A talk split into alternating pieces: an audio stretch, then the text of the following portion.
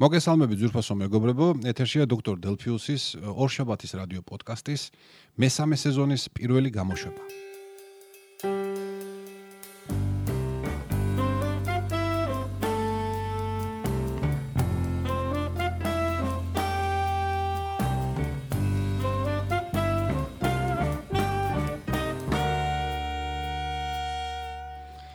როგორც იქნა, როგორც იქნა მრავალთვიანი განშორების შემდეგ მე ისევ დროც მოუძებნე საშუალებაც იმისათვის რომ ჩემი გადაცემა აღმედგინა და იმედს ვიტოვებ ძალიან დიდ იმედს რომ თქვენთვის ჯერ კიდევ საინტერესოა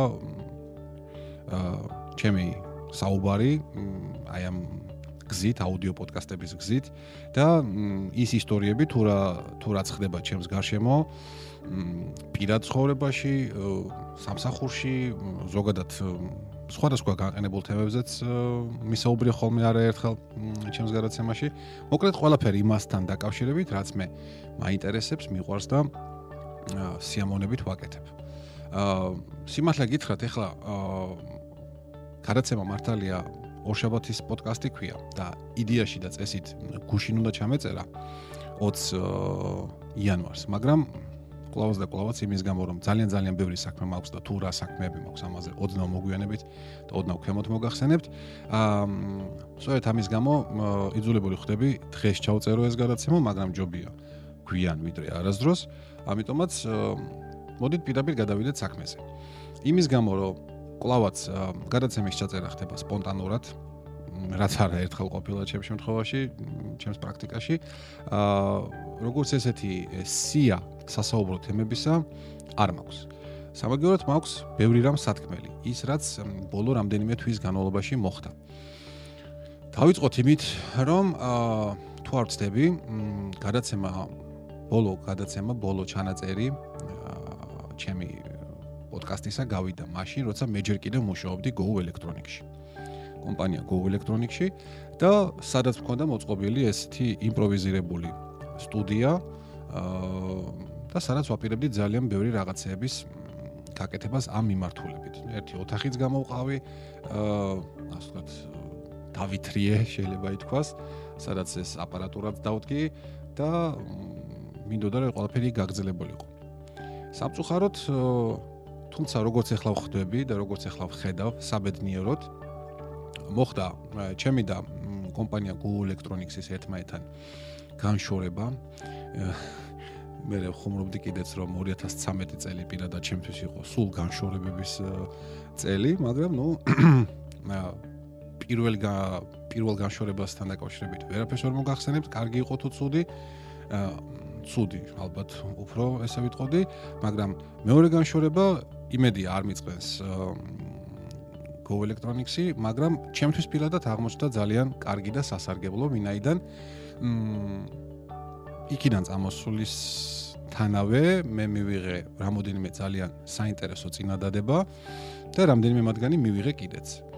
აა დღესდღეობით უბრალოდ უკვე სადღაც ზუსტად 11 ნოემბრიდან მე მუშაობ ილიას სახელმწიფო უნივერსიტეტში და ვარ აა საინფორმაციო ტექნოლოგიების სამსახურის უფროსის მოადგილე. ფრიად საპასუხისგებლო პირველ რიგში, რა თქმა უნდა, სამუშაოა და ამასთან ერთად აი საშინლად საინტერესო. იმიტომ რომ გარდა იმისა, რომ თქვა მაბარია ერთი კაცრად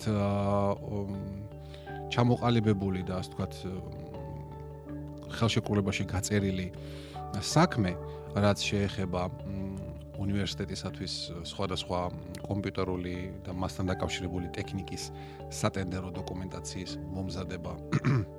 უკაცრავად დღეს მთელი დღე სულ თათფირებზე ვიყავი და მიტინგები როგორც ამას ეძახიან და ამიტომაც ცოტა ხმა ხმა ჩამიწყდა. აა ეს ერთი მიმართულება, რომელიც მოითხოვს ძალიან ბევრ ყურადღებას, პასუხისგებლობას, რომ რაიმე შეცდომა არ გაიპაროს, ვინაიდან ძალიან ისეთი მკაცრი აღრიცხვის პროცედურებია ჩასატარებელი. აა, მაგრამ ეს არ არის მთავარი და ერთადერთი უფრო სწორად. შეიძლება დავარქვათ ამას მთავარი, კი ბატონო, მაგრამ ერთადერთი საქმიანობა ჩემთვის არ არის. ამის გარდა უნივერსიტეტში არის უამრავი პროექტი, რომელიც დაკავშირებულია IT-სთან, მოდი ამ სიტყვას ვიხმარ, იმიტომ რომ საინფორმაციო ტექნოლოგიები კი ქართულია და სწორია და მე ზოგადად მიყვარს ქართული ტერმინოლოგიის გამოყენება, მაგრამ ძალიან გრძელია და ამიტომაც თქვენის ნებართვით მოკლედ და ასე ვთქვათ, ჟარგონული, უბრალოდ ბარბარიზმით ვიტყვი. IT-ში არის უამრავი საქმე საკეთებელი. როგორც შიდა IT-ს თვალსაზრისით, იქ დაწყებული ყველაზე ელემენტარული რაღაც კაბელების გაყვანა და ვთქვათ, გაფუჭებული კომპიუტერის გარემონტება, შეცვლა და პროგრამული უზრუნველყოფის გასწორება და ნუ ეს ალბათ ნებისმიერი ეგრეთ წოდებული IT-შნიკისათვის გასაგები თემაა. ამის გარდა მეც და ჩემს უფროსაც გვევალება კიდე ძალიან ბევრი საკითხის მოფიქრება, დაალაგება, მოგვარება იმასთან დაკავშირებით, რომ ჩვენი უნივერსიტეტის ჩვენი უნივერსიტეტი ტექნოლოგიური სიახლეების, ასე ვთქვათ, პირველ რიგებში იდგეს, რომ ჩვენ დავნერგოთ საინტერესო იდეები, საინტერესო ტექნოლოგიები იმისათვის, რომ სწავლის დონე კიდევ უფრო მეტად ამაღლდეს, სტუდენტებისთვის უფრო გაადვილდეს, სტუდენტებისთვის და პროფესორ მასწავლებლებისთვის გაადვილდეს, თქვათ, ერთმანეთთან ურთიერთობა, მათი სამუშაობა, თქვათ, სასწავლო პროცესი იყოს კიდევ უფრო მეტად მაღალ დონეზე აყვანილი და ასე შემდეგ და ასე შემდეგ და ასე შემდეგ. ეხლა მე აქ თქვენის ნებართვით არ ჩამოვთვლი კონკრეტულ პროექტებს და თავისუფლებას მივცემ, როდესაც თითოეულ მათგანს ჩვენ დავასრულებთ და გაუშვებთ, ასე ვთქვათ, უკვე მუდმივ რეჟიმში, მე ამ გადაცემაში, შეიძლება სხვა გადაცემებშიც მათთან დაკავშირებით უფრო დეტალურად ვისაუბრო. წელი ახლა ხანს დაიწყო, მართლაც პრინციპში ხა მთელი ნოემბერი, დეკემბერი ჩემთვის იყო უფრო მეტად კაცნობითი პერიოდი, თან აქტიურად მუშაობის პერიოდი, ვინაიდან ის ადამიანი, ვინც მანამდე მუშაობდა ამ პოზიციაზე, სხვა ქვეყანაში გაემგზავრა და ამიტომაც აი ესე ფრონტის პირა სიტუაციაში მიწევდა პირველი რამდენიმე კვირის განმავლობაში მუშაობა, თან სწავლობდი იმ საქმეს და თან ვაკეთებდი. იმეც ვიტყობ, რომ კარგად ავითვისე, რაც გასაკეთებელი მაქვს, აი ძირითადი სამუშაოების თვალსაზრისით იქ ტენდერების თვალსაზრისით და ნუ მიდის ამ მიმართულებით პროცესები დაგეგმილად. და დაიწყო ახლა 2014 წელი და რა თქმა უნდა ამ წელს ჩვენ ძალიან ბევრი საინტერესო პროექტი გვინდა რომ დავიწყოთ, შევეჭიდოთ რომელიც გამოადგება როგორც თვითონ შეგნით უნივერსიტეტს არამედ ამის გარდა გვინდა ისეთი პროექტებიც გავაკეთოთ რომელიც ზოგადად არა მარტო თანამშრომლებისთვის, პროფესორ მასწავლებლებისთვის, სტუდენტებისთვის იქნება სასარგებლო და საინტერესო, არამედ თლიანად ზოგადად თუნდაც რატომაც არა საქართველოს მოსახლეობისთვისაც კი. ერთ-ერთ მათგანზე, როგორც კი რაღაც იურიდიული პროცედურები და დეტალები გაირკვევა და შეთანხმდება ამასთან დაკავშირებით, ერთ-ერთ უახლოეს გადაცემაში ამ პროექტთან დაკავშირებით ვისაუბრებ და ნუ შემდგომში კიდე როგორც უკვე გითხარით, სხვა პროექტთან პროექტებთან დაკავშირებითაც ასევე მექნება აღწერები. აა პრინციპში არა, პრინციპში არა. ძალიან ყვაყოფილი ვარ ამ სამსახურით, იმიტომ რომ აი ახლა ჯერ კიდევ 8 ნახევარია, აა თუ უკვე 8 ნახევარია, მე ჯერ კიდევ სამსახურში ვარ. ეს უთია მოვჭით კიდევ ერთ შეხვედრას, კიდე ერთი რაღაც საკითხები დაიგეგმა და გაიწერა თქვათ მათი შესრულების დრო, რესურსები, ადამიანები, ყველაფერი, ყველაფერი და გადავწყვიტე რომ მე დღევანდელი დღე არ დავკარგო და ეს გადაცემაც ჩავწერო. აა, ხა შეიძლება ზოგმა მკითხოს, რომ ზოგ შეიძლება გაუჩნდეს დაინტერესება თუ რა ტექნიკით სარგებლობ. მ ამ შემთხვევაში შემიძლია ვთქვა, რომ ჭყალებში. რა თქმა უნდა, მხოლოდ და მხოლოდ ჭყალებში, რომ ნაკლებად ყვაყოფილი ვარ იმით, რომ მაქვს Windows-ი. თან ისეთი დიდი desktop HP კომპიუტერი, თუმცა თანამედროვე, მაგრამ ეს თავიდან ფიქრობდი, რომ ძალიან ცუდი იყო, რომ მე თქვა აქ Mac-ი ვერ მექნებოდა, კი მაქვს ჩემი ლეპტოპი და შემეძლო მეტარებინა რაღაცა, მაგრამ გამომდინარე ჩემი ბუნებრივი ასე ვთქვათ სიზარმაციდან დამეზარ ამის კეთება და გადავწყვიტე რომ მოდი აბა ერთი ვნახოთ ბოლო 5-6 წლის განმავლობაში რაც მე Windows არ გავკარები ვარ. მოდი ვნახოთ რამე კარგი ხომ არ გაჩნდა ამ პლატფორმაზე.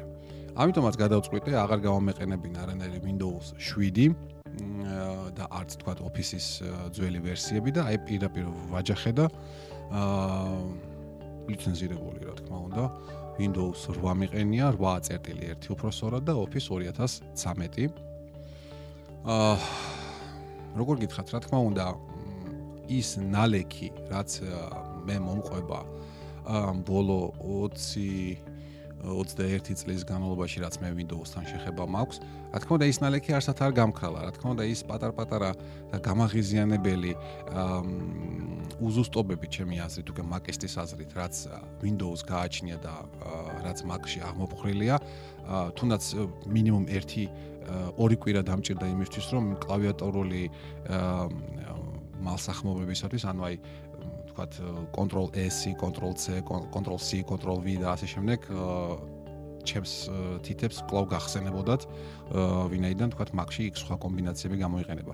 და თქვათ იქ insert-ის და თქვათ delete კლავიშების შემთხვევით მოგიხვდება ხელი და თქვათ მოკეთ წრუწრული საკითხები, წრული მოტორიკის აღდგენის მომენტი იყო, მაგრამ პრინციპში ეს ყველაფერი გადაილახა და შემიძლია ახლა განვაცხადო, რომ ჯერჯერობით მე Windows 8.1 როგორც Windows-ი და არა როგორც საერთოდ საოპერაციო სისტემებში საუკეთესო Windows-ებს შორის მე შემიძლია ვთქვა, რომ მ არც თუ ისე ცუდია. ხოთ Windows-ებს შორის. აა აქ რა თქმა უნდა ახლა დიდი არმია წამოდგება იმ ადამიანებისა, ვინც ჯერ კიდევ XP-ზე იმყოფებიან, XP-ს იყენებენ, ან თუნდაც 7-ს და იტყვიან, რომ ფუ, რას ლაპარაკობ, რვიანი არის ბანძი, მაგას არ აქვს სტარტ-ღილაკი, აა და ასე შემდეგ, მაგრამ ნუ კი ბატონო, თქვენ თუ გინდათ, თუნდაც 3-1 ვერსია გამოიყენეთ, ჩემთვისავე არანაირ პრობლემას ეს არ წარმოადგენს. მე პირადად ეს რვიანი უფრო მეტად მომეწონა, თან ეს ცოტა ბრტყელი ინტერფეისი.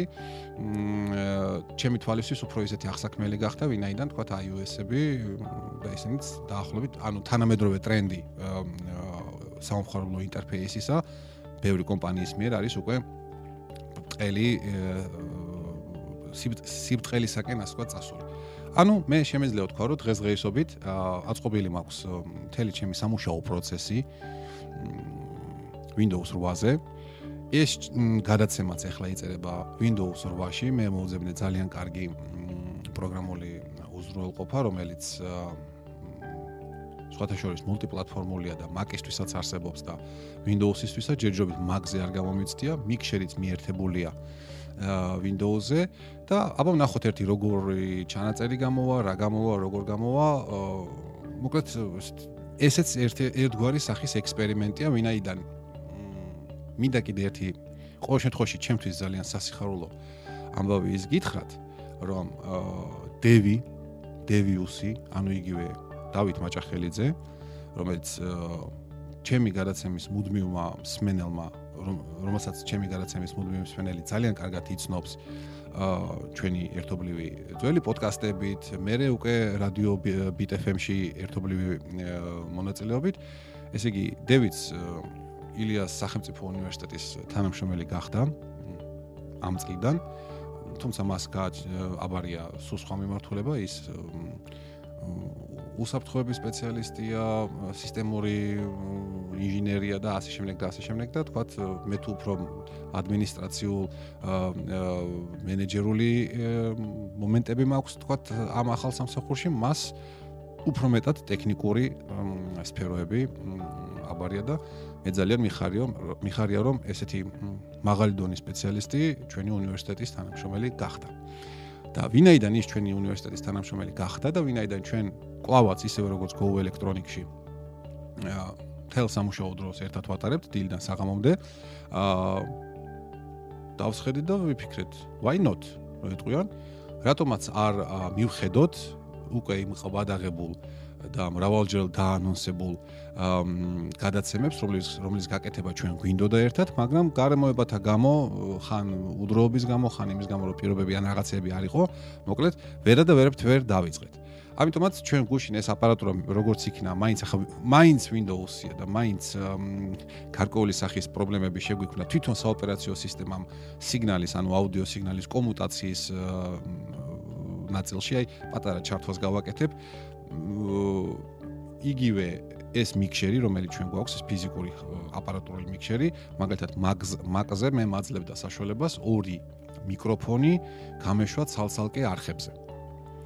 და თქვათ, ჩემი ხმა ჩაწერილი იყო ერთ ბილიგზე და დევის ხმა ჩაწერილი იყო მეორე ბილიგზე. აი აქ Windows-ში მოვკვდით გუშინ რამდენიმე საათის განმავლობაში ვცდილობდით, მაგრამ ნუ არაფრით არ გამოვიდა და მოგვიწი, ანუ საუბარია სტერეო ხმაზე, რა თქმა უნდა, თითოეულ არხზე რომ სტერეო ხმა იყოს. ამიტომაც იძულებული გავხდით მონო ხმები უბრალოდ მონოც არა რაღაც вообще ძალიან გლეხური ვარიანტით კი მოვახერხეთ, მაგრამ ნუ ეს ის არ არის რისი მიღწევაც გვინდოდა საბოლოო ჯამში. ამიტომაც უახლოეს დღეებში მე მომიწევს მაინც სახლიდან ჩემი ლეპტოპის მოტანა მაკის და მინდა კიდევ ერთხელ გადავამოწმო აა თუ რამდენად ეს უფრო მარტივად ხდება მაკში და მაშინ ალბათ გადაცემების ჩაწერის დროს, ну ან გადავწყვიტავთ რომ მაინც მაგზე ვწეროთ, ну ან თქვათ ბოდიში და მივაფურთხებთ ამ სიტუაციას და ჩავწერთ ისე როგორც ჩავწერთ, მაგრამ რა თქმა უნდა ხმის ხარისხის დაკარგვის გარეშე. უბრალოდ აქ ტექნიკურ ნიუანსებზეა საუბარი, რომელიც შეიძლება მსმენელთა უმრავლესობამ ნაკლები ყურადღება მიაქციოს. ასე თუ ისე, ჩვენ გადავწყვიტეთ, რომ ხუჩაბათობით გავაკეთოთ აა ყოველკვირეული ანალიტიკური გადაცემა, რომელიც დაახლოებით ისეთი, როგორი ჩვენ ეს ქონდა აა BTFM-ში, ვისაც მოსმენილი გაქვთ, გემახსოვრებათ, რომ ჩვენ ყოველ კვირა დღეს გავდიოდით ცოცხალ ეთერში, ნამდვილ ეთერში, რადიო ეთერში, ხოლოდ იქ ვიყავით არა ორი ადამიანი, არამედ 4. იქ ჰოსტი იყო, ანუ წამყვანი, მთავარი წამყვანი იყო მირიან ქორიძე PTFM-ის თანამშრომელი და Go Electronics-იდან იყვნენ მაშინ მე, დავით მაჭახელიძე და ნიკი აბაიშვილი. აა ნიკი სხვათა შორის ეხლა მაინც და მაინც ცოტა ის გამომივა. მოკლედ არც თუ ისე შორს ცხოვრობს ჩვენი ოფისიდან. ეხლა ამ ეტაპზე ძალიან დაკავებულია ვინაიდან მონაწილეობს სილამაზის კონკურსში, მის საქართველოს თუ არ ვწდები, ხა ძალიან ბევრი კონკურსებია და არ მინდა რომ შემეშალოს და წინასწარ ბოდის ვიხდი ნიკის წინაშე, მაგრამ ერთ-ერთ ძალიან მაღალი დონის საქართველოს ქართული ასე ვთქვათ ლოკალურ სილამაზის კონკურსში იღებს მონაწილეობას და მე და დევი ძალიან გულ შემატკივრობთ და ძალიან გვინდა რომ გაიმარჯოს ნიკიმ და თქვათ ის გახდეს მის საქართველოს. რამდენად და როგორ მოხერხდება ეს ამას ნამდვილად ვერფერს ვერ გეტყვით, მაგრამ ყოველ შემთხვევაში ასეთი სურვილი ჩვენ გვაქვს. ამიტომაც ნიკი ახლა არის ძალიან დაკავებული მაგრამ ძალიან დიდი იმედი მაქვს რომ ეს ყველაფერი დამთავრდება ის თუნდაც ზოგიერთ გადაცემაში მაინც შემოგვიერთდება ხოლმე. და თქვათ უკვე სამი ადამიანი კვლავ წავიყვანთ და კვლავ ვიჩხუბებთ იქ Android-ი, იქ Windows Phone-ი, იქ iPhone-ი და ასე შემდეგ და ასე შემდეგ. მოკლედ ეს მუდმივი versus თემები, ჰეიტერული თემები და თქვათ ვინ ვის სჯობს და ასე თქვათ ჯიჰადები აუცილებლად აუცილებლად იქნება ვინაიდან სიმართლე გითხრათ, აი ესეთი ჭკვიანური სახით დაждდომა როგორი ეთერიც გინდა დაარქვით, გინდა ონლაინ და გინდა ოფლაინ, რაღაცა ჭკვიანობების ბჭყალებში საუბარი და რაღაცა პირადად ჩემთვის ნაკლებად საინტერესო და ცოტა მოსაწყენიც არის. თუმცა რა თქმა უნდა ესეთი გადაცემების გვექნება, სადაც მოვიწვევთ სტუმრებს და გვექნება თქვა სერიოზულ თემებზე საუბარი, უსაფრთხოებაზე, გვინდა რომ ასევე ეს ეს მაშინაც ვერ მოახერხეთ, მაგრამ ეხლა მაინც იქნება მოახერხოთ, რომ ხშირ-ხშირად მოვიწვიოთ სტუმრები, ქართველები, ვინც აგერ საქართველოსში მუშაობენ, თქვა სხვა უნივერსიტეტებიდანაც მოვიწვიოთ IT სპეციალისტები, ვისაუბროთ იმ თემებზე და იმ პროექტებზე, რომლებსაც ისინი აკეთებენ. მოვიწვიოთ თუნდაც თუ მოხერხდება ეს სახელმწიფოს მხრიდან ვინმე ადამიანები, ვინც თქვა IT სფეროსთან შეხებაში არიან და თქვა გააჩნიათ გარკვეული სახის ინფორმაცია კერძო კომპანიები და ასე შემდეგ და ასე შემდეგ. მოკლედ, აა გეგმები როგორც ყოველთვის, როგორც ნებისმიერი პროექტის დასაწყისას არის უზარ-მაზარი და რამდენად განვახორციელ განვახორციელებთ ამ ყველაფერს, რა თქმა უნდა, ჩვენზეა დამოკიდებული. აა დღეს სამშაბათია და ძალიან დიდი იმედი მაქვს, რომ ზეგ ხუჩაბაც მე და დევი პირველ საპილოტო გადაცემას ჩავწერთ. აა გადაცემის პირობითი სახელია და ვფიქრობ რომ დარჩება მუდმივ სახელად ტექნოლოგიკა. ну, სიტყვების ტექნოლოგიკ და logic და ასე შემდეგ აი ამ ყველაფრის თამაშის შედეგად გაკეთებულია უკვე ლამაზი ლოგო, ბანერი, ის ყველაფერი იმისთვის რომ iTunes-ში, ну iTunes-ში არხიც გახსნილია და როდესაც მე პოსტს უკვე ჩანაწერ სტატიას აი ამ ჩემი გადაცემისას გავამზადებ, აუცილებლად მიუთითებ ბმულს იმ ტექნოლოგიკის ასე ვთქვათ, არღზე იმისათვის, რომ თქვენი შეძლოთ მისი გამოწერა და შემდეგი გადაცემების უკვე პირველი საპილოტო ხუჩაბას თუ ყველაფერი კარგად წავიდა პირველ ხუჩაბას ჩავწერდ და შევძლებთ უკვე მისი თქვენთვის მოწოდებას. ამის გარდა შეიძლება ყოველ ორ კვირაში ერთხელ, ყოველ შემთხვევაში საწყის ეტაპზე მე და დევიმ ჩავწეროთ უკაცრავად კიდევ ერთხელ მე და დევიმ ჩავწეროთ ასევე ჩვენი ძალიან ძალიან დიდი ხნის წინანდელი პროექტი განვაგზოთ, რასაც ერქვა საუბრები Apple-ის შესახებ. აა რატომ მარტო Apple-ის შესახებ? ეს იქნება უკვე გემუგის ხუთ ქვეშ გაერთიანებული გემუგი ვინც არიცით გეტყვით რომ ეს არის Georgian Mac Users Group საქართველოს Mac-ის მომხმარებელთა ჯგუფი. ორგანიზაცია რომელსაც ეხლა ძალიან აწეწილ დაწეწილი იურიდიული სიტუაცია აქვს და ამაზე იქნება როდესაც მე ვისაუბრო მაგრამ ძალიან დიდი იმედი მაქვს რომ 2014 წელს ამ საკითხს რამენაირად მაინც დავადგამთ თავს და მოვაწესრიგებთ თუ რა და როგორ ამაზე სხვა განაცემებში ვისაუბრებთ თქვენის ნებართვით. აა და მოკლედ მიუხედავად ამისა, გემოგის Facebook ჯგუფში არის უკვე 1000-ზე მეტი ადამიანი გაწევრიანებული და იქ ყოველდღე მიმდინარეობს ძალიან გაცხოველებული დისკუსიები Apple-თან დაკავშირებით ნებისმიერ თემებზე. აი იქ ხალხს ვეხმარებით, შეძლების დაგვარად, რა თქმა უნდა, არის გარკვეული ბირთვი ადამიანების, რომლებიც სიამოვნებით ეხმარება ახალ ბედებს რაღაცა საკითხების მოგვარებაში და არის სულ ამ თემებზე საუბარი. აა ამასთან ერთად გემუქს ოდესღაც 1-2 წლის წინათ ქონდა პორტალი, რომელიც აწყობილი იყო Drupal-ზე და მ მეტნაკლებითი, ასე ვთქვათ, წარმატებით იქ იდებოდა სხვადასხვა სახის ინფორმაციები, მაგრამ იმან ამ პორტალმა ჯერ-ერთი რომ რთული სამართავი იყო დრუპალის გამო, ნელა მუშაობდა, ანუ ტექნიკური გარკვეული სახის პრობლემები იყო. ამის გარდა ვერ პოვა ვერ მოიპოვა, თქვათ, გუნდი ავტორებისა, რომლებიც მუდმივად დაწერდნენ და სიმართლე გითხრათ, მარტო ადამიანი, მარტო კაცი ჭამაში წოდვაო, მეც მომბეზრდა და მე ერთი რაღაც გარკვეული პერიოდის შემდეგ საერთოდ გავაუქმეთ, იმიტომ რომ ნუ აზრი აღარ ქონდა, აღარც ინფორმაცია იდებოდა, აღარც არაფერი საინტერესო იქ არ ხდებოდა და ასე შემდეგ და ასე შემდეგ. ამიტომაც ნოემბრის თვეში, ნოემბრის დასაწყისშივე, აა ისევე როგორც ძალიან ბევრი რაღაც ჩემს ცხოვრებაში, ესეც სპონტანურად ავდექი და გემოგზე გავუშვი WordPress-ი და WordPress-ის საშუალებით აა დავიწყეთ სტატიების დადება კონკრეტული მიმართულებით. ხო, და ამ საქმეში ძალიან ძალიან დიდ როლს თამაშობს აა ჩვენი გემოგელი თემო, თემო ბაბუნაშვილი, რომელიც ძალიან მოწადინებულია, რომ აა მაქსიმალური, ასე ვთქვათ, ინფორმაცია მივაწოდოთ ნებისმიერ არა მარტო გემოგელს, არამედ საქართველოსში მცხოვრებს, ნუ ვინაიდან ქართულ ენაზე იდება ინფორმაცია, შეგვიძლია ჩავთვალოთ, რომ საქართველოს მოსახლეობისათვის იქნება მაქსიმალურად გათვლილი, ვინაიდან უცხოეთში ჩვენს ჩვენგან გასხოვებით ასეულობით 1000 სხვადასხვა რესურსი არსებობს საერთოდ ნებისმიერი მიმართულებით, მათ შორის მაგთან დაკავშირებით და საქართველოსში, როგორც ყოველთვის ინფორმაციის წარმოშობის წყაროების სიმწირე აშკარად შეინიშნება.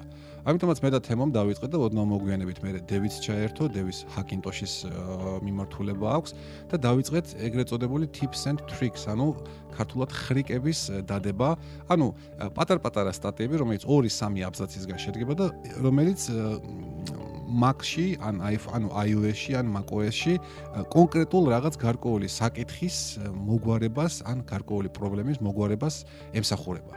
იქ ნებისმიერი თქვა როგორ დავაყენოთ ქართული კლავიატურა iPhone-სა და iPad-ში, ანუ iOS მოწყობილობებში, როგორ შევქმნათ Apple ID, ანუ Apple-ის ანგარიში, რომლის საშუალებითაც, რომელიც უნივერსალური ანგარიშია და მოქმედებს როგორც კომპიუტერებში, ასევე მობილურ მოწყობილობებში და რომელიც საშუალებას გვაძლევს გადმოვტვირთოთ სხვადასხვა საინტერესო თამაშები და პროგრამები, მოახდინოთ სინქრონიზაცია Apple-ის სხვადასხვა მოწყობილობებს შორის და ასე შემდეგ. როგორ შევიძინოთ თქვათ gift ბარათი ვინაიდან ქართული საბანკო ბარათები ჯერ კიდევ არ მოქმედებს Apple-ის ინფრასტრუქტურაში და ამიტომაც ჩვენ გარკვეულ საიტებზე ვყიდულობთ gift ბარათებს, აი როგორც მობილური ტელეფონის ბალანსის შესავსები ბარათი, რომ გადაფხიკავ და იქ კოდია განსაზღვრული და შეყავს ტელეფონში, თუმცა მე მგონი უკვე თითქმის აღარავინ აღარ სარგებლობს მაგ ბარათებით, მაგრამ აი ესეთი ბარათები Apple-ს აქვს, შენ შეგიძლია შეიძინო ეს კოდი შეიყვანო iTunes-ში და მომენტალურად ის თანხა გიждდება ანგარიშზე. აკეთ აი ესეთი თემები ვცდილობთ რომ ეს თემები გავაშუქოთ ძალიან ბევრი.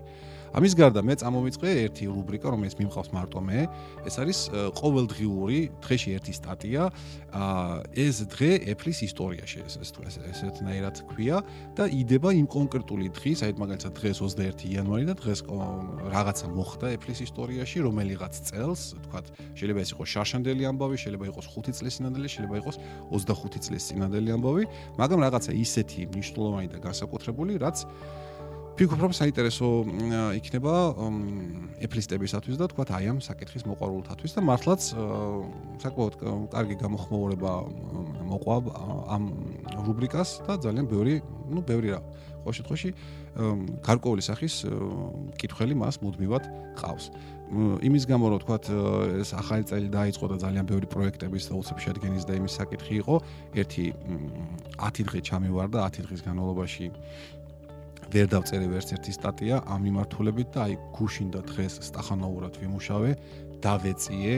ანუ დღევანდელი დღის მდგომარეობით ეს დავალიანება გასტუმრებულია ამ მიმართულებით და ხვანიდელი დღიდან კლავ თითო-თითო სტატია გამოვა ამ ამ რუბრიკაში ასევე, ну, ახლა რახან გემოგზავ საუბრებ ვისაუბრებ ბოლომდე, ესე იგი ყოველდღურად გვექნება ერთი ისტორიული სტატია, გვექნება ერთი ხრიკი ან iOS-ის ან macOS-ის მიმართულებით და ასევე ძალიან მინდა დღეიდან დავიწყო კიდე დამატებითი რუბრიკები. მაგალითად, ეს იქნება Steve Jobs-ის ისტორია, ეს იქნება კომპანია Apple-ის ისტორია და რაც ყველაზე მთავარი და მნიშვნელოვანია, ორი ესეთი სერიოზული რუბრიკა. ეს ისტორიულები მაინც არის უფრო გასართობი, შემეცნებითი და თქვათ სახელმწიფოებებს რაც ქვია, აი ხრიკების გარდა ჯერჯერობით მეტი არაფერი იქ არ არის. ამიტომაც ორი ყველაზე სერიოზული რუბრიკა იქნება OS Mavericks-ის შესწავლა და იქ არ იქნება უბრალოდ ხრიკები, იქ იქნება აი მოყოლებული ანაბანიდან ელემენტარულად როგორ გამოიყურება დაუშვათ Apple-ის დესკტოპი, ანუ სამუშაო დაფა, როგორ გამოიხატება, გამოიყურება ხატულები, რატომ აქვს და რომ აქვს, თქვათ, ფანჯრის გადიდების და პატარების ან დახურვის ღილაკები მარცხნივ, ხოლო Windows აქვს მარჯვნივ.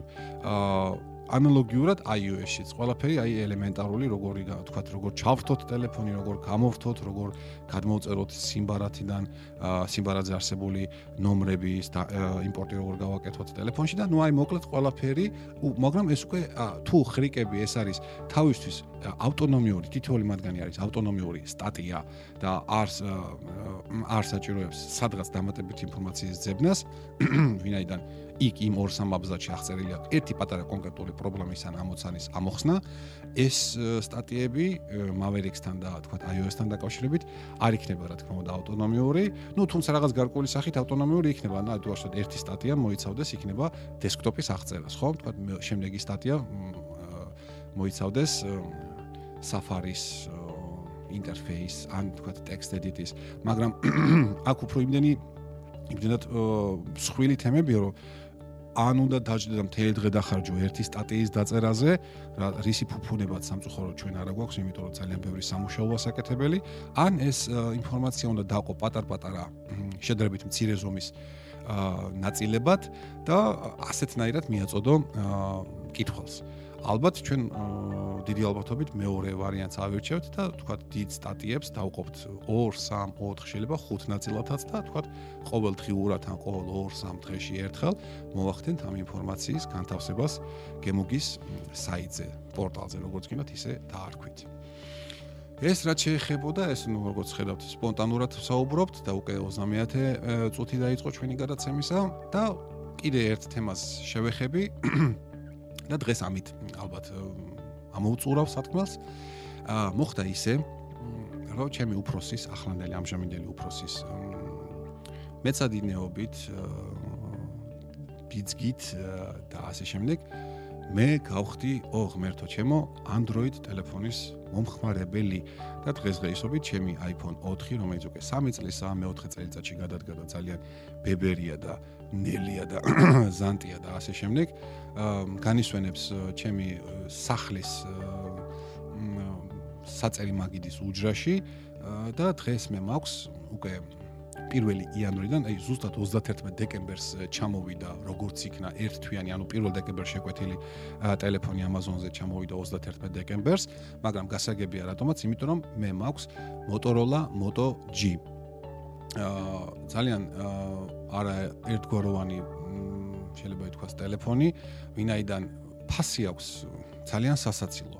200 დოლარი. ანუ მე ის დამიჟდა სადღაც ავით 300 60 360 ნუ რაღაც 400 ლარამდე თქვა და გამბაჟებებით და ყველაფრით რომ ასაქვნათ აა მაგრამ მაგრამ აა განსხვავებით სხვა იაფფასიანი Android ტელეფონებისაგან აა ის არის ძალიან სწრაფი ის არის ძალიან მოსახერხებელი აა მასში ჩაწერილია სუფთა Android-ი ყოველგვარი HTC-ის, Samsung-ის, Sony-ის ან სხვა მწარმოებლების მიერ დამატებული ნაგვის არ შემეშინდება ამ სიტყვისა ნაგვის გარეშე. ანუ ეს არის სუფთა Android-ი და არის ბოლო ვერსია 4.4 KitKat-ი. უბრალოდ ის ჩამოვიდა 4.3-ით და როგორც კი ჩავხდე ტელეფონი და თქვათ მან გაიარა პირველი აქტივაციები და რაღაცები, იმ წუთში შემოთავაზა KitKat-ის დაყენება, რაც რა თქმა უნდა, გამიხარდა და დავაყენე. აა 21 დღეა, რაც მე მხოლოდ და მხოლოდ ამ ტელეფონით სარგებლობ, ანუ iPhone-ი როგორც გითხარით, გამორთეთ.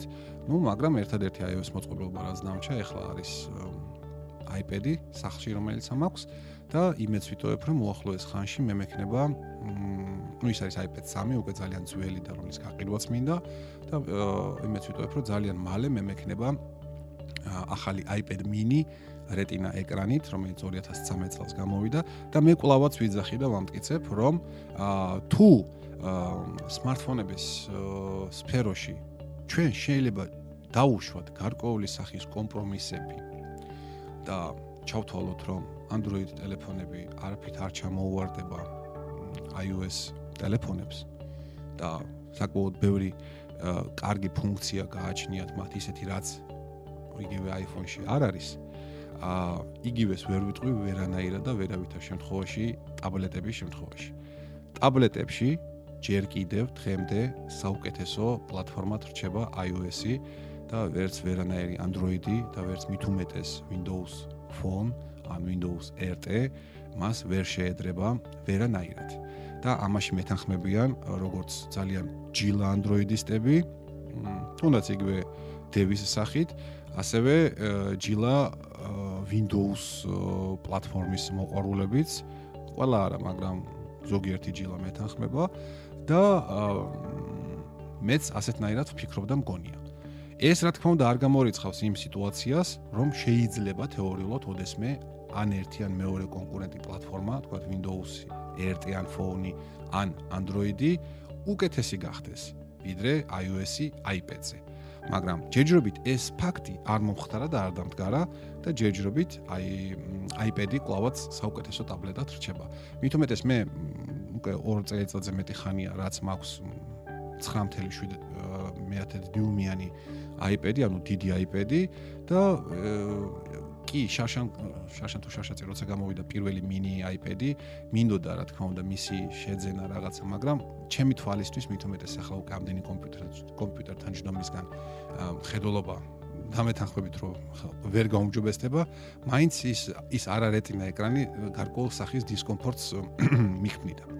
ამიტომაც ძალიან ესეთი მორჩილები და მოთმინებით ველოდებოდი იმ დროს, როდესაც Apple გამოუშვებდა Retina ეკრანიან iPad mini-ს ეს დროც. დადგა როგორც იქნა, შარშან თუ კარგად გახსოვს, ეს იყო ოქტომბერი, 22 ოქტომბერს მოხდა ახალი მოწყობილობის წარდგენა და ალბათ ისიც გემახსოვრებათ, რომ მე და დევიმ ეს ცოცხალი ტრანსლაცია წავიყვანეთ, სამწუხაროდ ნიკი არ გვესწრებოდა იმ გადაცემაზე, სიგარეტსაც ვეწოდით, რადგან კიდე ერთხელ გიხდით ბოდის, მაგრამ აა რა ვიცი, მე მგონი დიდი არაფერი არ დავაშავეთ, ხო? აა მოკლედ, დიდი იმედი მაქვს, რომ სულ რაღაც 1-10 დღეში, მაქსიმუმ ორ კვირაში ახალი Retina iPad-ი, mini iPad-ი მექნება და ნუ ის მე სამსახურებრივითაც ძალიან მჭირდება, ვინაიდან ილიას სახელმწიფო უნივერსიტეტის გარკვეული პროექტები დაკავშირებულია iOS პლატფორმასთან, გარკვეული პროექტები დაკავშირებულია თან ძალიან Android პლატფორმასთან. აი Windows პლატფორმასთან შეჯერებით არაფერი არ არის დაკავშირებული. ნუ მიწყენთ თუ მისმენენ Windows Phone-ის ან Phone-ის ან RTS მოყვარულები. ნუ ახლა დესკტოპზე არ გვაქვს საუბარი, დესკტოპი აქ ისედაც ვიყენებთ Windows კომპიუტერებს, მაგრამ ჯერჯერობით თქვენთვის მეგობრებო მობილური Windows-ის მომხმარებლებო, ჯერჯერობით თქვენთვის არაფერი სასიკეთო არ გაგვაჩნია. ნახოთ უახლოეს ხანებში Microsoft-ი რაღაც რაღაც საკითხების გადაწყვეტას გეგმავს 2015 წლისთვის უნდა შეიძლება მივიღოთ გაერთიანებული საოპერაციო სისტემა, რაზეც მე სხვათა შორის თუ კარგად გახსოვთ, ზაფხულის ერთ-ერთ გადაცემაში საუბრობდი კიდევაც და ისე ისე როგორც ბაბუა ჩემი თუ ბებია ჩემი იყო და ისე აგიხდეთ ყველაფერი, როგორც ჩემი პროგნოზი აა ამ მიმართულებით გამართლდა, ვინაიდან Microsoft-მა არა, ну, ჩემგან მიწოდებით არა, მაგრამ ლოგიკური იყო, აი სხვა ვერსად ვერ წავიდოდით, აერჩია ის მიმართულება, რომელიც უნდა აერჩია. ანუ და მე თუ მკითხავთ, ყველა საოპერაციო სისტემის მწარმოებელმა მაგ მიმართულებით უნდა იაროს, როდესაც უნდა მოხდეს დესკტოპური და მობილური საოპერაციო სისტემების გაერთიანება ერთ ქვაბში, მაგრამ ისე, რომ აი როგორც წავიდა კანონიკალი კომპანია კანონიკალი უბუნტუს რომელიც უშვებს. აა ისე რომ თქვა, როდესაც ეს ოპერაციო სისტემა გაშვებულია დესკტოპ კომპიუტერზე, მას კონდეს დესკტოპ საოპერაციო სისტემის ინტერფეისი, ხოლო როდესაც ის გაშვებულია მობილურ მოწყობილობაზე, იქნება ეს ტაბლეტი თუ სმარტფონი, მას უნდა გააჩნდეს მობილური ინტერფეისი და არ უნდა მოხდეს ისე როგორც ეს მოხდა Windows 8-ში, როდესაც აბსოლუტურად ყოველგვარ ლოგიკას მოკლებულია აა თაილები ეს კაფელს როგორც ჩვენ ვეძახით, ცოტათი აგდებულად, როდესაც ეს კაფელი გამოდის დესკტოპ კომპიუტერში, რომელსაც touch ეკრანიც კი არ გააჩნია, ანუ სენსორული ეკრანიც არ გააჩნია და მე ტკივილს მაყენებს პირადად ჩემთვის და იმ წუთში დავაყენე ეს start 8 ესეთი რაღაც პატარა აპლიკაცია. ყო ნელა ვერ ყვები ახლა Windows სფეროში ხელახლა დავაყენე და თქვა დამებრუნდა ისევ ეს start menu კლასიკური და ის თაილებიანი Windows-ის menu სადღაც იქ ჯურღმულებში არის ჩაკეტილი თავისთვის და მე იქ პრაქტიკულად არასოდეს არ შევდივარ იმიტომ რომ ჩემთვის იქ არაფერი საინტერესო არ ხდება. აა ანუ ესე არ უნდა გაკეთდეს. უნდა გაკეთდეს ისე როგორც საბოლოო ჯამში ლოგიკის შედეგად Microsoft-ი მივიდა ამ დასკვნამდე. აი, რამდენად გამოუვათ? არ ვიცი. არსებობს ასევე მოსაზრებები, რომ შესაძლოა Apple-იც მაგ მიმართულებით მიდიოდეს, ვინაიდან OS 10-ის ბოლო 2 მაჟორული ვერსია გვაძლევს იმის ფიქრის საბაბს, რომ ასეთ ამ მიმართულებით ნაბიჯების გადადგმა დაწყებულია. მე ვერ ვიტყვი რომ კომპანია Apple პირველი იქნება ვინც დასრულებულ ესეთ უნივერსალურ საოპერაციო სისტემას გამოუშვებს. ალბათ უფრო ვიფიქრებ რომ ის იქნება ბოლო ვინც ამას გააკეთებს, იმიტომ პირველი ალბათ მაინც უკვე შეგვიძლია ჩავთვალოთ Ubuntu, ანუ კომპანია Canonical, რომელმაც ამ მიმართულებით უკვე დაიწყო მუშაობა. მეორე ალბათ იქნება Microsoft-ი ან Google-ი, Google-საც აქვს ის მოსაზრება რომ თავისი ორი საოპერაციო სისტემა Android-ი და Chrome OS-ი გააერთიანოს თუმცა რა გამოვა ამისგან არ ვიცი ახლა კი უკავს არ გქონდ Android-ი და ამ მის სიავკარგეზე შემდეგ გადაცემებში ვისაუბრებ აა მაგრამ თქვა Chrome OS მე ჯერჯერობით ვერ ჩავთვლი ისეთ სრულფასოვნად დასრულებულ საოპერაციო სისტემად რომელიც თქვა ჩაანაცვლებს კლასიკურ აა დესკტოპურ საოპერაციო სისტემებს როგორც არის თუნდაც Windows-ი, თუნდაც Linux-ი ან თუნდაც აა Mac OS-ი. ნახოთ, ნახოთ რა გამოვა. ხო, და ანუ აზრი ვარ დამეკარგოს, ანუ Apple შეიძლება იყოს ერთ-ერთი ბოლოთაგანი, ვინც ასეთ ტიპის საოპერაციო სისტემას გააკეთებს და მე მაპატე და სულ ნაკლებად მაინტერესებს მე რამდენი პოზიციაზე იქნება ის ამ პროცესში პირველზე თუ მე-15-ზე, მაგრამ აა ჯერა ან ყოველ შემთხვევაში მინდა რომ ესე იყოს, რომ მის მიერ შესრულებული, ანუ რეალიზაცია აი ამ პროექტისა ან უნივერსალური საოპერაციო სისტემისა, ყველაზე უფრო მოსახერხებელი იქნება ჩემთვის, როგორც მომხმარებლისათვის. აა მე რა თქმა უნდა ვინაიდან მაინც არაფერი არ არის მუდმივ ამ ცის ქვეშ ვერ ვიტყვი სამუდამოდ მაგრამ 99 და 999 მე 1000-დი პროცენტი ალბათობით ვიტყვი რომ ძალიან ძალიან ძალიან ძალიან ძალიან დიდი ხნის განმავლობაში დავრჩები macOS-ის პლატფორმის მომხმარებელი მაგრამ მე ერთ ჩემს შეცდომას მივხვდი იმას რომ ადამიანი არ უნდა ჩაიკეტოს მხოლოდ თავის ნაჭუჭში. თუნდაც ამ Android ტელეფონის ყიდვაც იმით იყო განპირობებული, რომ მე ბოლოს და ბოლოს მიდოდა მქონოდა ეგრეთ წოდებული ნუ ჭყალებში მუწინა აღვდეგე მტრის ბანაკის პროდუქტი თუნდაც იმისთვის რომ მეძაგებინა. ან თუ მომეწონება მომეწონებოდა თქვათ მეკო ანალოგიურად სამსახურშიც კი ბატონო მე შემეძლია ხვალ ვარი ვთქვა ამ Windows desktop კომპიუტერზე და თქვათ გავიჭირო და ვათრიო აქეთ-იქით ჩემი MacBook Pro ნოუთბუქი. არც ეს არ არის პრობლემა. მაგრამ აქაც ეს შეგნებული ნაბიჯი გადავდგი იმ მიმართულებით რომ თქვათ გადმოვედი აქ აი სამსახურის პირობებში სრულიად განსხვავებულ პლატფორმაზე ხა ჩემთვის კი ის ცნობილია დიდი ხანია. ზოგიერთი შეიძლება მსმენელი იმდენი წლისაც არ იყოს რამდენი ხანიაც მე რამდენი ხანიც მე მუშაობ თქვათ Windows-თან ამიტომაც მე მის კარგსაც და ცუდსაც ძალიან კარგად ვიცნობ. და ისიც მინდა გითხრათ რომ არაერთი სასიამოვნო საათი და შეიძლება დღეღამეც გამიტარებია თქვათ თამაშების თამაშისას. უკაცრავად ტაუტოლოგიისათვის. მაგრამ აა ეს ნაბიჯი სპეციალურად გადავდგი იმისთვის რომ მე მაქსიმალურად ვიყო ასე ვთქვათ მობილიზებული მაქსიმალურად მქონდეს ინფორმაცია ყველა სიახლეზე რაც კი ხდება ყველანაირ პლატფორმაზე.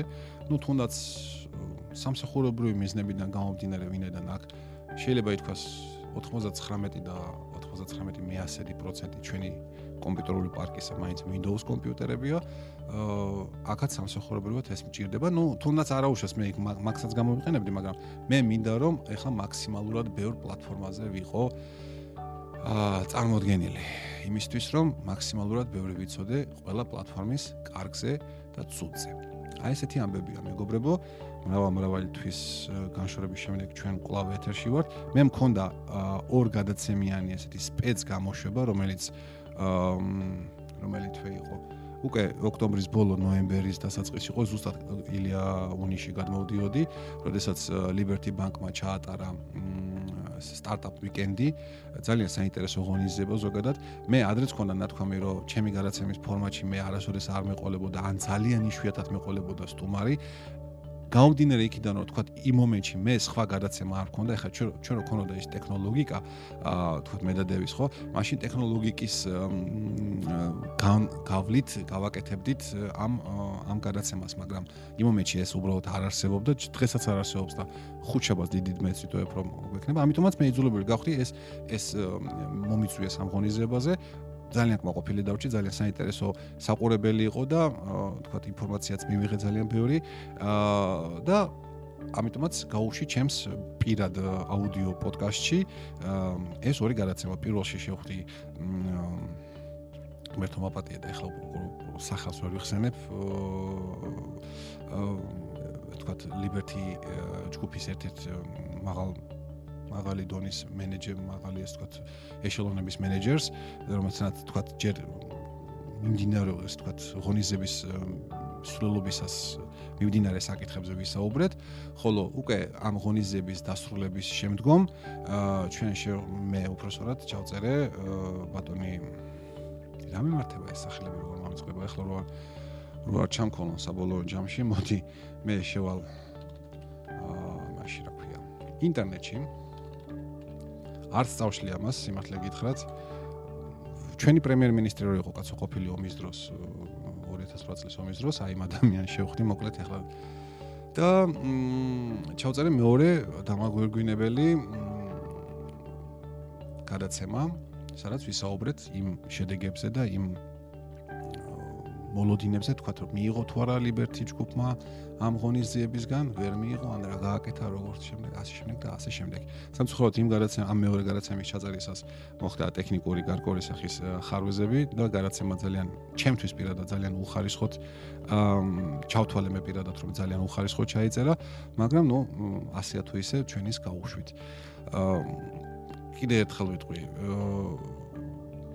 მე არ ვარ პროფესიონალი აუდიო რეჟისორი ან მე მონტაჟე შეიძლება ითქვას რომ აი ამ დოქტორ დელფიუსის ორშაბათის რადიო აუდიო პოდკასტის ჩაწერისას ვისწავლე ანაბანა და მუდმივი მსმენელს მუდმივ მსმენელს ემახსოვრება თუ პირველი გამოშვებები რა საშინელი ხარისხით იყო ჩაწერილი ყოველგვარი მუსიკალური გაფორმების გარეშე ყოველგვარი ნორმალური მიკროფონების გარეშე და ასე შემდეგ და ასე შემდეგ. ნელ-ნელა ნელ-ნელა ვიხვეწებით ნელ-ნელა ვაუმჯობესებთ ხარისხს და ყოველ შემთხვევაში კი ერთი ერთი ფაქტია რომ კონტენტი უფრო მნიშვნელოვანია, ანუ შეკთავსი უფრო მნიშვნელოვანია ვიდრე მისი ფორმა, მაგრამ არც ფორმა არ უნდა დაგვავიწყდეს და ყოველთვის უნდა შევეცადოთ, რომ შეკთავსიც და მატარებელიც ყოველთვის მაღალ დონეზე იყოს. შეიძლება გადაცემა მე ჩაგიწეროთ უზადოთ მაღალი ხარისხით, ტექნიკური თვალსაზრისით, რომ ერთი ზედმეტი ეგრეთ წოდებული შუმი არ იყოს, ზედმეტი არაფერი არ იყოს, მაგრამ იყოს ის იმდენად არასაინტერესო მოსაწყენი და რა ვიცი, ყველანაირი, რომ უბრალოდ სურვილი არ ქონდეთ მისი მოსმენისა. შეიძლება იყოს საშინელი ხარისხით ჩაწერილი და საშინელ დონეზე ჩაწერილი, მაგრამ სამაგიეროდ იმდენად საინტერესო თემებზე იყოს იქ საუბარი, რომ ვერც კი მოსწყდეთ იმ გადაცემას და უბრალოდ დაგენანებათ, რომ აუ, რა კარგი გადაცემაა და სამწუხაროდ რაც უთ ხარისხშია.